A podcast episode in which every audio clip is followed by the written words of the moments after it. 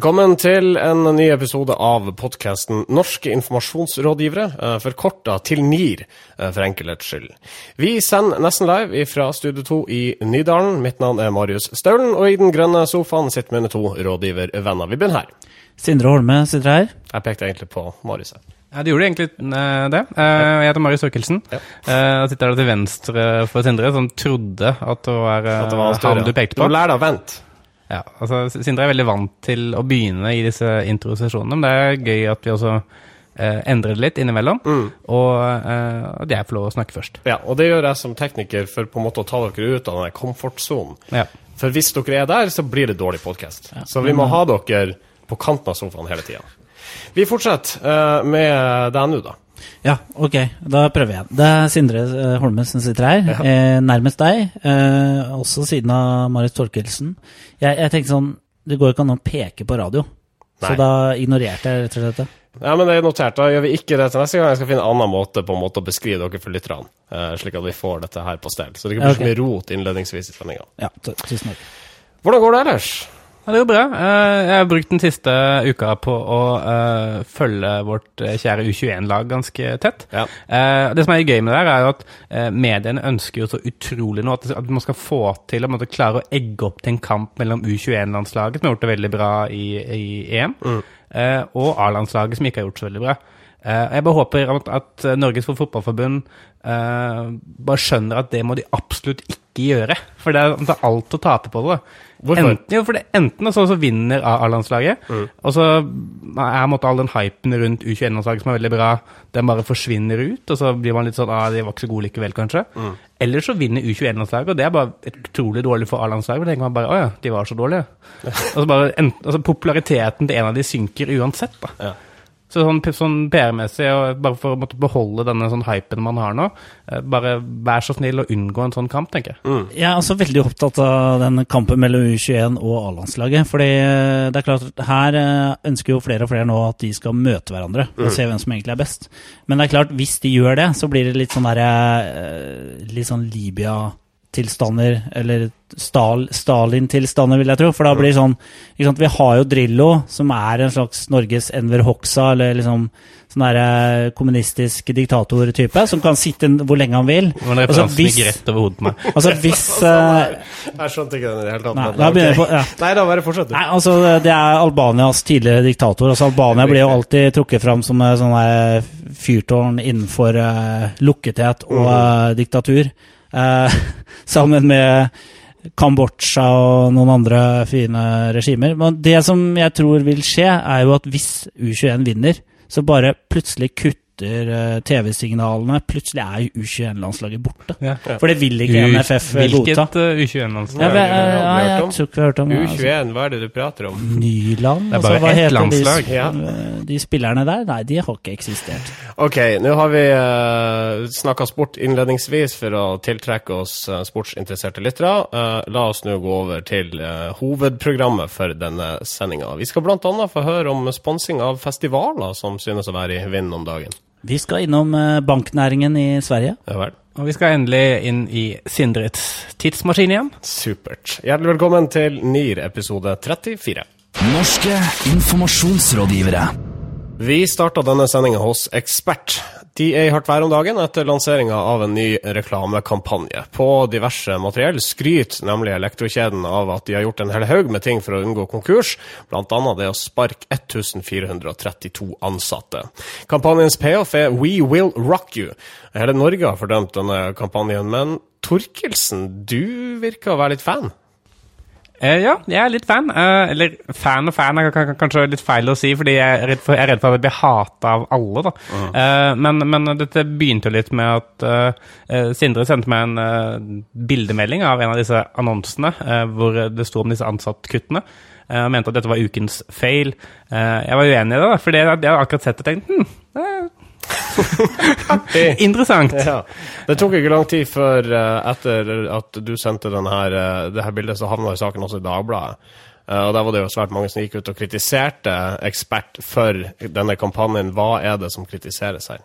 Nei, det, det, det, det virker veldig ufølsomt da, å koble det at man har uh, sparka så mange ansatte med, med, et budskap om at uh, nå skal vi få det billigere. Altså Mm. det, de, har måttet, de har fått sparken fordi at vi skal lage billigere produkter for deg som kunde. Uh, den koblingen tror jeg mange blir provosert over. Ja, og det, det, det forstår jeg. Jeg sier- ikke at eh, det er det som egentlig er det interessante med det, men jeg syns eh, historiefortelling altså, Fordi målet deres da, med den, denne kampanjen er å klare å skape troverdighet som en lavprisaktør eh, i et marked hvor egentlig eh, kun pris er det som teller. Eh, og for å skape den troverdigheten, eh, så er de nødt til å eh, fortelle hvorfor det er billig, ikke bare at de er billig. Eh, det er kanskje den feilen mange gjør i nettopp det, det markedet der. Og Ekspert har vært gjennom en forferdelig prosess hvor mange har måttet eh, gå. Eh, de måtte endre uh, lagerløsninger for et sentralisert lager og lagt ned masse butikker og sånn. Og det er måtte, det de forteller om, hvor en av de tingene er nettopp at ansatte fikk sparken. Eh, men altså det store bildet her, sånn som jeg ser det, er jo det å klare faktisk å eh, sikre at de 4000 ansatte som er igjen, har en jobb å gå til. Og da trenger man noe sånn ekstremt, da, noe som måtte skaper nok oppmerksomhet og provoserer nok folk til at folk snakker om det.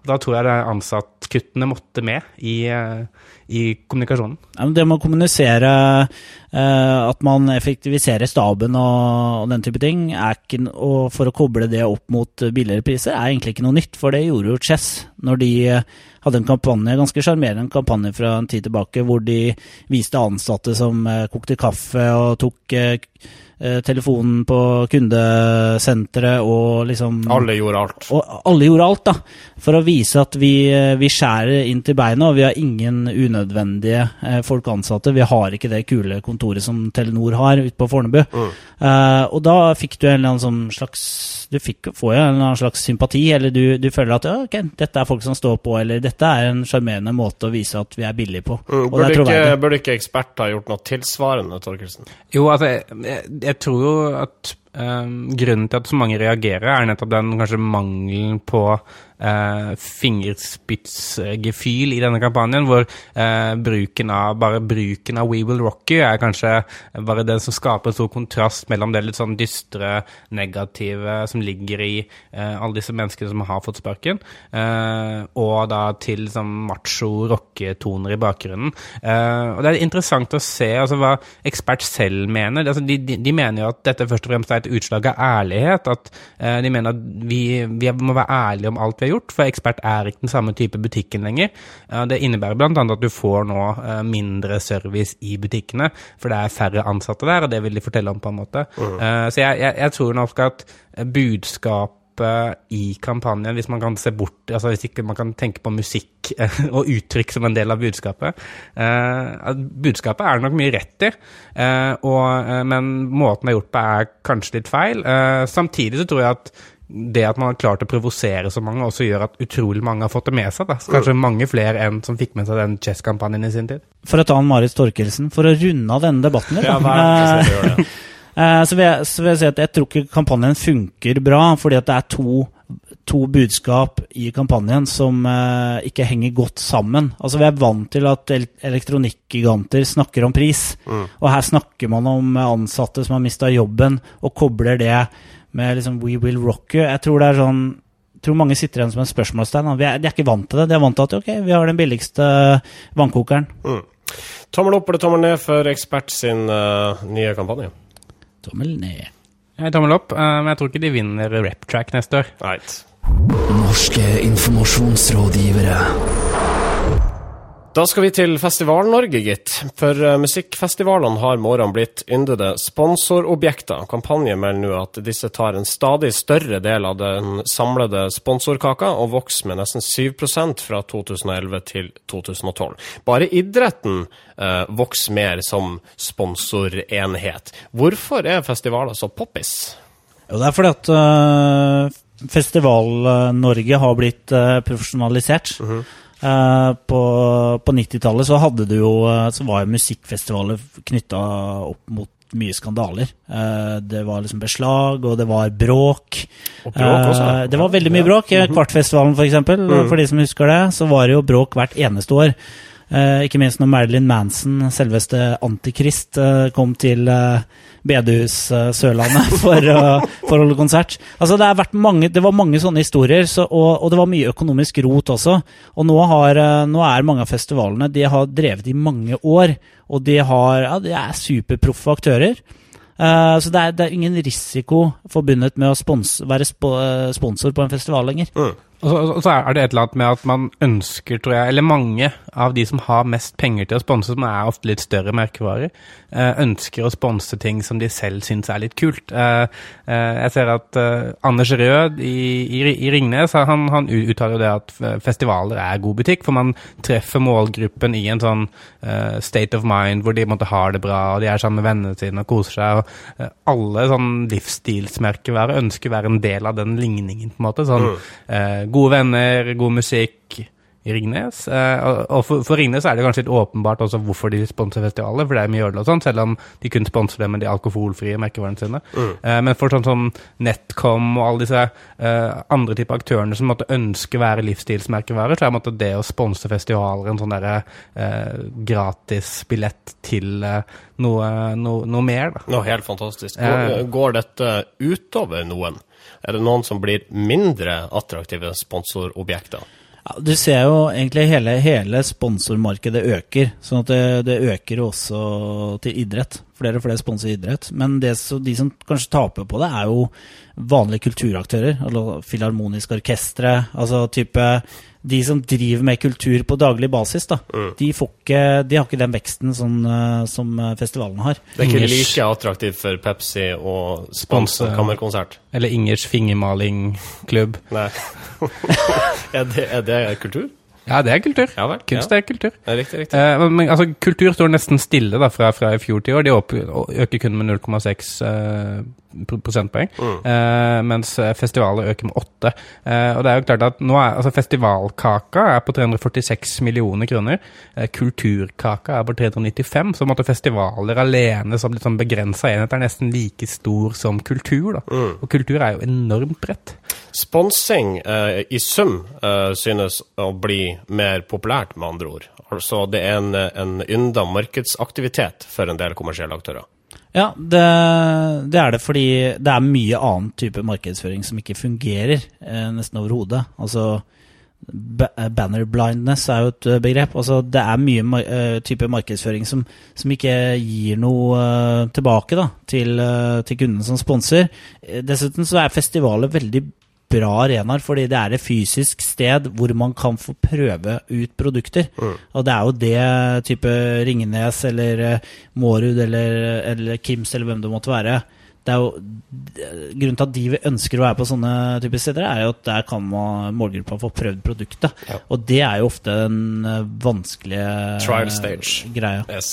Og Samtidig tror jeg nok det er et sånt tegn på at det er veldig gode tider om dagen. Jeg tror, altså, Sponsoring, eh, kanskje spesielt sånn type sponsoring hvor du ikke ser noe sånn åpenbar gevinst med en gang, sånn som å gi Petter Northug 12 millioner kroner, f.eks. Det, det er ikke sikkert at det er måte, det som står, står igjen i, i markedsbudsjettet hvis eh, du plutselig eh, taper 10% på omsetningen din.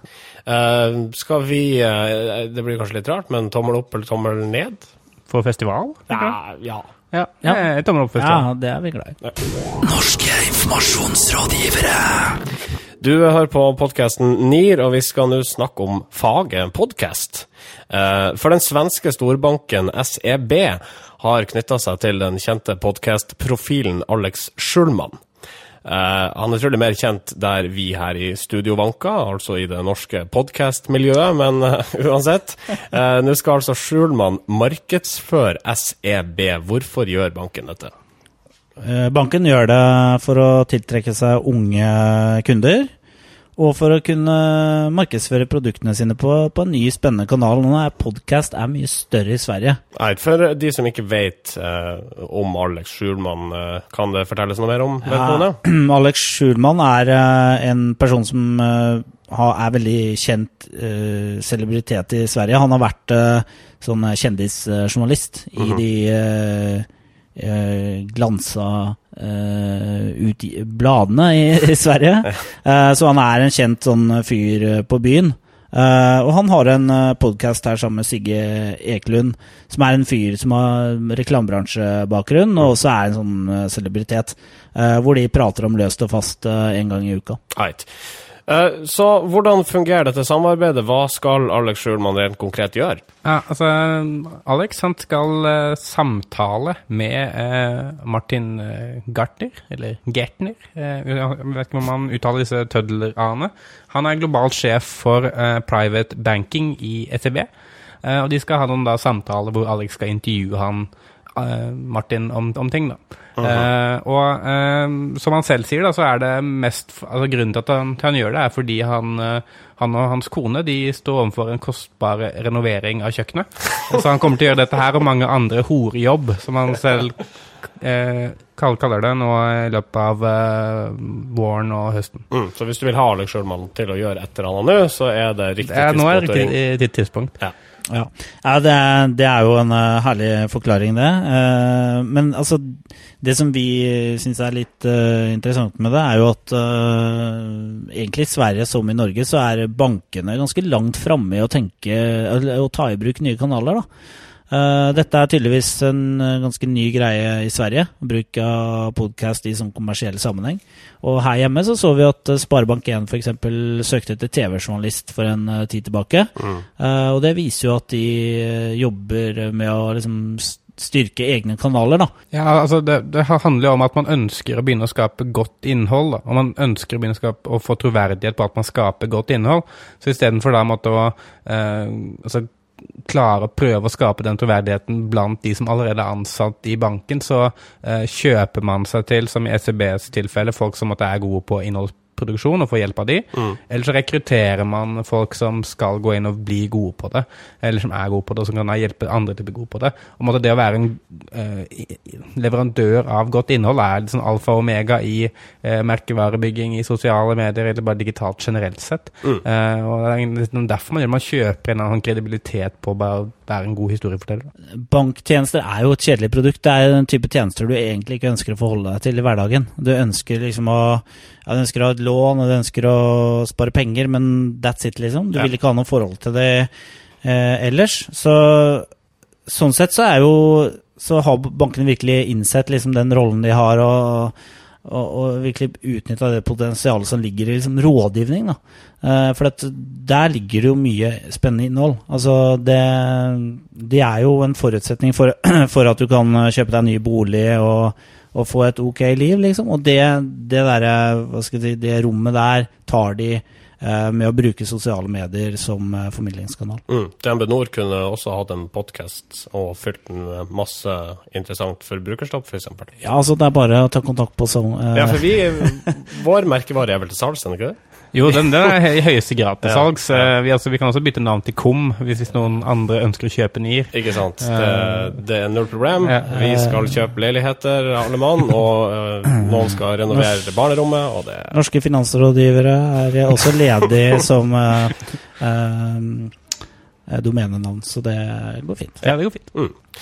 Så tommel opp eller tommel ned for den svenske storbanken SEBs samarbeid med podkastprofil Alex Schjølmann. Tommel opp. Tommel opp. Jeg håper eh, norske virksomheter følger etter. Marketing 3.0. Social business. Cloud computing. Social shopping. Begrepsforvirring. Det er ikke så veldig ofte vi har denne spalta. Eh, fordi det er jo begrensa hvor mange begreper som eksisterer der ute, og enda mer bestemt begreper som faktisk forvirrer. Men uh, Marius, du har funnet et begrep denne uka. Helhetlig vurdering. er det måten å si det på? Helhetlig vurdering, er det? Ja. ja. Oh, ja. helhetlig? helhetlig, helhetlig vurdering, ja. Det, det ville jeg sagt. Er det dialekt? det må jo være talefeil, da. helhetlig vurdering. Mora mi har nok sagt helhetlig. Ja. Ja, greit. Helhetlig vurdering, da. Ja. Eh, jeg syns eh, begrepet helhetlig vurdering er litt forvirrende, fordi jeg forstår ikke helt hva det er Uh, altså hva det egentlig betyr. da. Uh, fordi sånn som jeg opplever så brukes det ofte gjerne litt sånne offentlige instanser uh, når det er gjort en vurdering som er ekstra grundig, eller bare for å gi den vurderingen eller beslutningen de har tatt litt sånn ekstra vekt.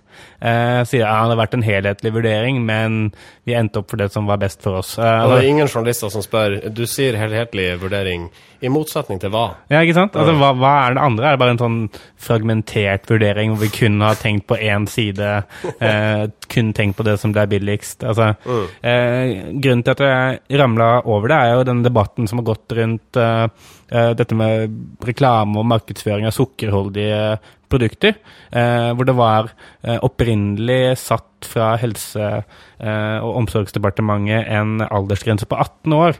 At ingen under 18 år skulle se reklame for sukkerholdige og usunne produkter.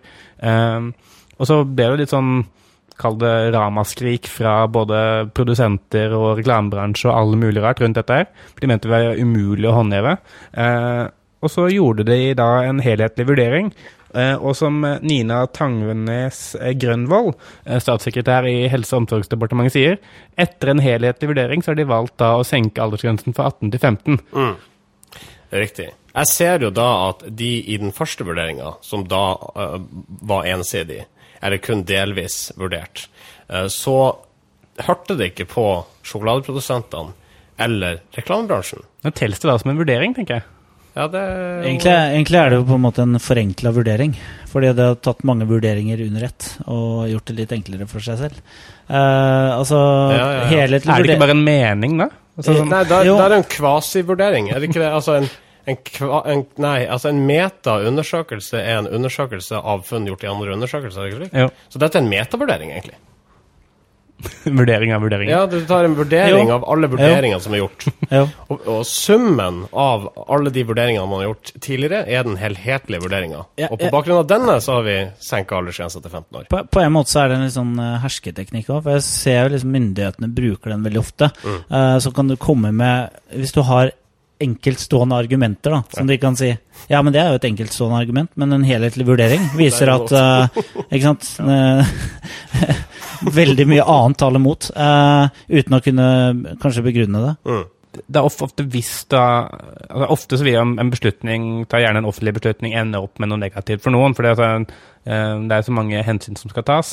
Eh, Og Da bruker man helhetlig vurdering liksom, som begrep for å forsvare dette. Det, jo, jeg forstår at det blir kjipt for deg som må sove på gangen eh, på sykehjemmet, men en helhetlig vurdering eh, viser jo at eh, dette var det riktige å gjøre likevel.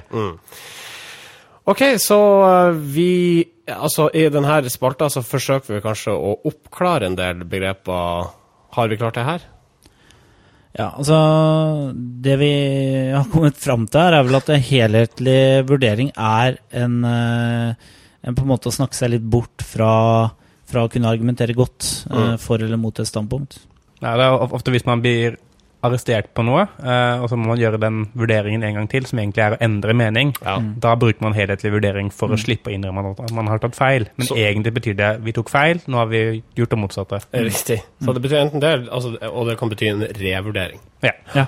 Ok, nei, men da vet dere det, alle dere der ute. ja, Og da vet du også det, Grete Farmo. ja. Og da vet jeg at det heter helhetlig vurdering, og ikke helhetlig vurdering. Det vet du også. Da skal vi videre. Ni av ti nordmenn elsker Et representativt utvalg av nordlendinger viser at Sørlendinger mest skeptisk til Volvo. hordalendinger best i senga. Kvinner mest opptatt av mild. Oppland på brokkolitoppen. Ukas undersøkelse. Hjertelig velkommen til eh, spalten Ukas eh, undersøkelse. En eh, spalte som tar for seg det fenomen at uh, PR-folk gjerne konstruerer undersøkelser for å få spaltemeter i avisa. Ja. Og for å understreke det fenomenet at det funker hver eneste uke. Ikke sant. Du har funnet én undersøkelse denne Ja, uka? altså, den, altså Hver uke omtrent jeg, siden jeg begynte på denne spalten, så har det jo vært ganske mange undersøkelser eller undersøkelsesbaserte saker å velge fra. Denne uka så var det kun én eneste undersøkelse. Eh, jeg tror kanskje vi begynner å forstå hvorfor det kalles eh, agurktid. Fordi det er egentlig bare mindre stoff fra PR-byråene til avisene. så de må finne noe annet å skrive om. Riktig. Uh, men eh, den ene undersøkelsen viste liksom hvordan en undersøkelse også kan være inspirerende for en journalist. Og grunnlaget for denne saken er en undersøkelse gjort av ISS, altså disse som har rengjøring og kantinedrift og alt sånt. Eh, og det er kanskje kantinedriftavdelingen som har gjort denne type undersøkelse. For de har undersøkt eh, hvor mange av nordmenn er det som har med seg matpakke på jobben. Eh, og det viser at 25% av nordmenn har med seg matpakke på jobben. Greit nok. Eh, og så har da denne journalisten i Romerikes Blad fått denne undersøkelsen og tenkt Hm, la meg skrive en artikkel hvor jeg måtte reflektere rundt bruken av matpakker. Generelt sett. Eh, så artikkelen begynner med at hun beskriver hvordan hun sitter på et tog i Japan. Eh, på vei inn i måtte, Japans sånn undergrunn eh, med, med, metro. Eh, og hun beskriver måtte, den japanske bruken av matpakker, eh, som også kalles obento. Eh, altså, tenk, tenker hun eh, ja, matpakkens plass i den japanske kulturen den er noe helt annet enn i Norge. Og, og så kommer det et drypp på en måte inni der hvor denne ISS-undersøkelsen nevnes. Mm. Og så skriver hun egentlig ikke mer, noe mer om det, hun bare skriver om den japanske bruken av matpakker. Riktig. Uh, så jeg, jeg tror kanskje ikke det er helt dette ISS har tenkt seg når de sendte ut dette her. Men er det ikke likevel noe å hente her for ISS? I det å tilby dette tallmaterialet, så får de i hvert fall navnet sitt på trykk. Jo, det gjør de, og så får de jo frem at eh, de driver med matpakker. På en måte er matpakker liksom konkurrenten til ISS, da, de ønsker at folk skal kjøpe kantinemat istedenfor å ta med egne matpakker. Eh, men de får også nevnt det at nordmenn eh, blir mer og mer opptatt av rene råvarer og eh, måtte, clean food, da, som tilfeldigvis også ISS tilbyr, ifølge den pressemeldingen Ja. som journalisten har, ja. har mottatt. Flaks at de tilbyr det, da. Ja, det er veldig flaks. Mm. Eh, Jeg ble litt overraska over at det bare er 25% som har med seg matpakke på jobb. Jeg trodde Norge var matpakkelandet.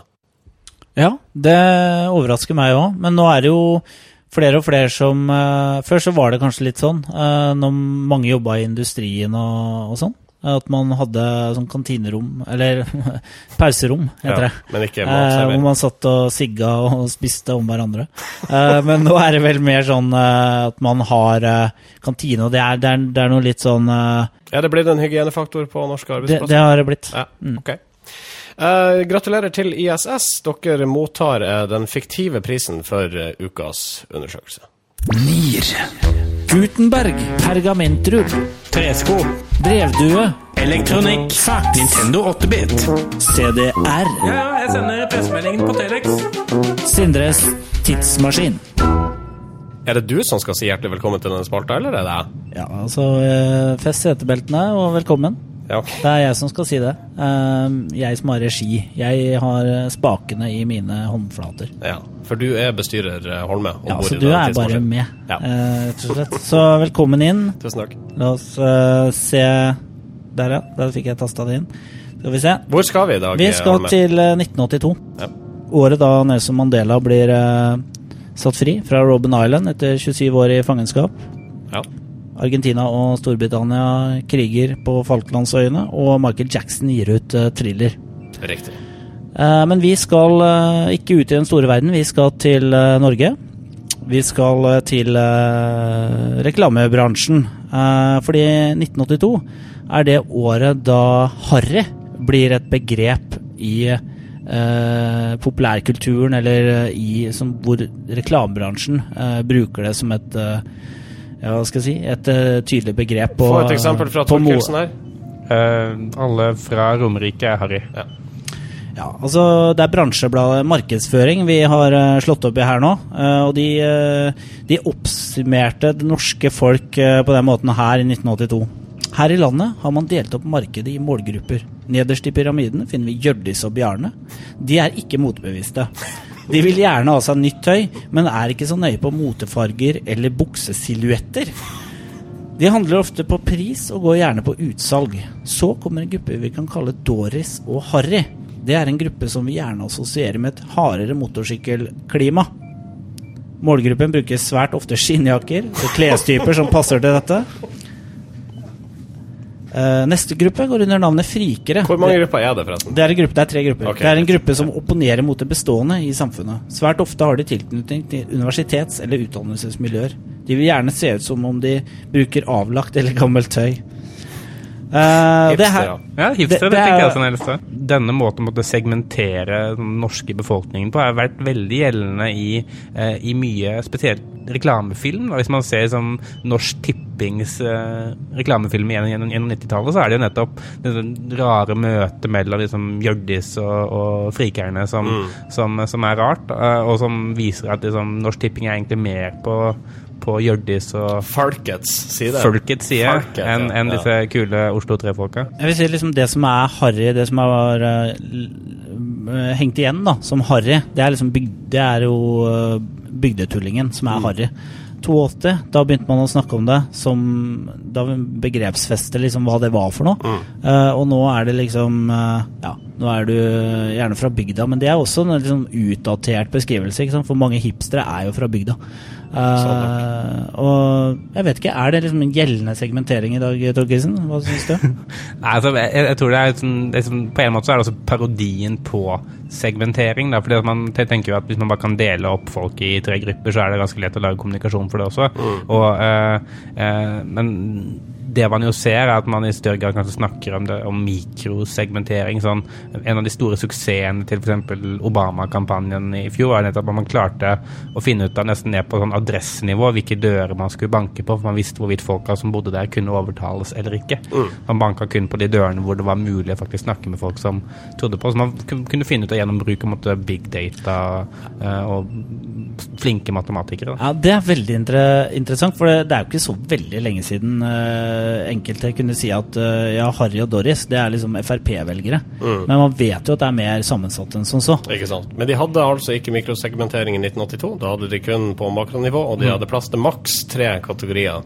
Men dermed så får du tre relativt kontrastfylte grupperinger av mennesker som angivelig befolker dette land. Helt Og, og hvis man vil vite noe mer om Harry, så har for- Are Kalve skrevet en hel bok om Harry. Hvor han eh, skriver at eh, begrepet er først brukt i 1932 eller noe sånt. Eh, da betydde det gutt med kortere hår enn normalt. Riktig. Eh, så det har utvikla seg. Ja. Skal vi eh, dra tilbake til vår egen tid? Så Det synes jeg vi skal gjøre. Hopp inn. Norske informasjonsrådgivere. Ukas kudos. Kudosen denne uka går til Nasjonal sikkerhetsmyndighet, eh, parentes NSM, eh, parentes slutt. Hvorfor det, Sindre Holme? Nasjonal sikkerhetsmyndighet er jo et slags direktorat som ligger under regjeringen som, som skal hjelpe oss eh, å forebygge dataangrep, eller som å unngå dataangrep fra, angrep fra utlandet. Ja. Uh, og de har jo uh, hendene fulle, for å si det sånn. Uh, veldig mye De trenger nye folk. Uh, og de har kommet med et veldig uortodoks rekrutteringstiltak, kan vi si. De gikk ut i VG, rykka ut på, kom på i redaksjonell plass og, og ga folk, eh, leserne der, eh, oppgave å løse en kode, en kryptering. Eh, og hvis du da klarer å løse den koden, så uh, kvalifiserer du kanskje til jobb i Nasjonal sikkerhetsmyndighet. Og det er jo litt sånn uvanlig at sikkerhetstjenesten er så åpen om hva de trenger av kompetanse. Det er også en del humor i, i de kodene de faktisk har brukt. Eh, den første koden jeg bare så noen har løst den i kommentarfeltet under VG-saken. eh, hvor det, det de har brukt, er et såkalt eh, Cæsar-cypher, eller skifre. eh, hvor egentlig løsningen, hvis man løser koden, er eh, Cæsar-skifre er altfor lett. Finn flere utfordringer på sikkerhetsbloggen til NSM. Det er løsninga på Det, det er løsningen på den første koden. Så det er bare, Ja. Hvis du klarer den, så er det bare over liksom, det første musesteget. Ja, riktig. Jeg, jeg, bare litt sånn, jeg synes dette var litt kult, for hvis man har lest eh, litt sånn Tom Egeland-bøkene, så handler jo, eller eh, Dan Brown, alt som handler om sånn der eh, katolske kirke og eh, tempelridder og alt sånt, så er det veldig mye koder og veldig mye sånne ting man skal knekke. Det er jo veldig spennende òg, da. Det er veldig spennende. Ja, Eh, mm. så det er sånn der, det å være kryptolog virker, virker, virker litt kult. Jeg må innrømme det at jeg så de der uh, cyfrene der og tenkte det virka litt kjedelig. Uh, men, så jeg, jeg er nok ikke rett eh, vedkommende til å jobbe i NSM. Men, Men, kudos eh, uansett. ja. Uh, og du kan finne disse, disse krypteringene på sikkerhetsbloggen, som da er bloggen til NSM. Litt keitete adresse. blogg.nsm.stat.no. Eh, kjøp domenet sikkerhetsbloggen.no er vel en anbefaling her i Fredrik? Jo. Yep. Ja. Gratis. Norske informasjonsrådgivere. Og eh, dette er siste sending før uh, vi tar en uh, sommerferie. Det skjer uh, mye om dagen. Vi blir altså kasta ut av Studio 2. Vi må vel få lov til å si det. Det må vi, så vi må finne andre studioer Ja. å oppholde oss i. For jeg skal flytte til Bodø. Dere blir her igjen i Oslo. Jeg, prøv, jeg prøvde å få dere med nordover, men dere gadd ikke. Fikk ikke noe jobb eh, i, i staten, sånn, sånn som du fikk. Så det var vanskelig for oss å bli med. Ja. Men det står på gass. Vi Det skal gass. sende likevel. Vi finner løsning på det der. Vi er tilbake om eh, en måneds tid ca., og da er det både kommunikasjonsfaglig pjatt og sikkert noe mer om U21-landslaget, for de som ikke følte at de fikk noe om det. Mm. Eh, og vi holder dere oppdatert på nye sendinger på vår Facebook-side. Facebook.com slash Nearcast. Ja, og du kan sende en e-post eh, til oss hvis du eh, har noe på hjertet. Da er adressen nearcast at yahoo.com. Mhm. Og hvis du vil eh, høre oss på Soundcloud eh, og bruke litt ekstra datatrafikk på stranda i Hellas, så er det da soundcloud.com slash nearcast. Så bra. Og vi har vel en hashtag på Twitter òg, ikke det? Jo, altså Dere må jo tvitre om noe i sommer, Ja. så fikk ikke tvitre om oss, da. Bruk hashtaggen nearcast. Mitt navn er Marius Staulen. Sindre Holme. Marius Tørkildsen. Ha en eh, fortsatt fin dag og en riktig god sommer. veldig god sommer. God det fortjener dere. God sommer. Kos dere. Norske informasjonsrådgivere.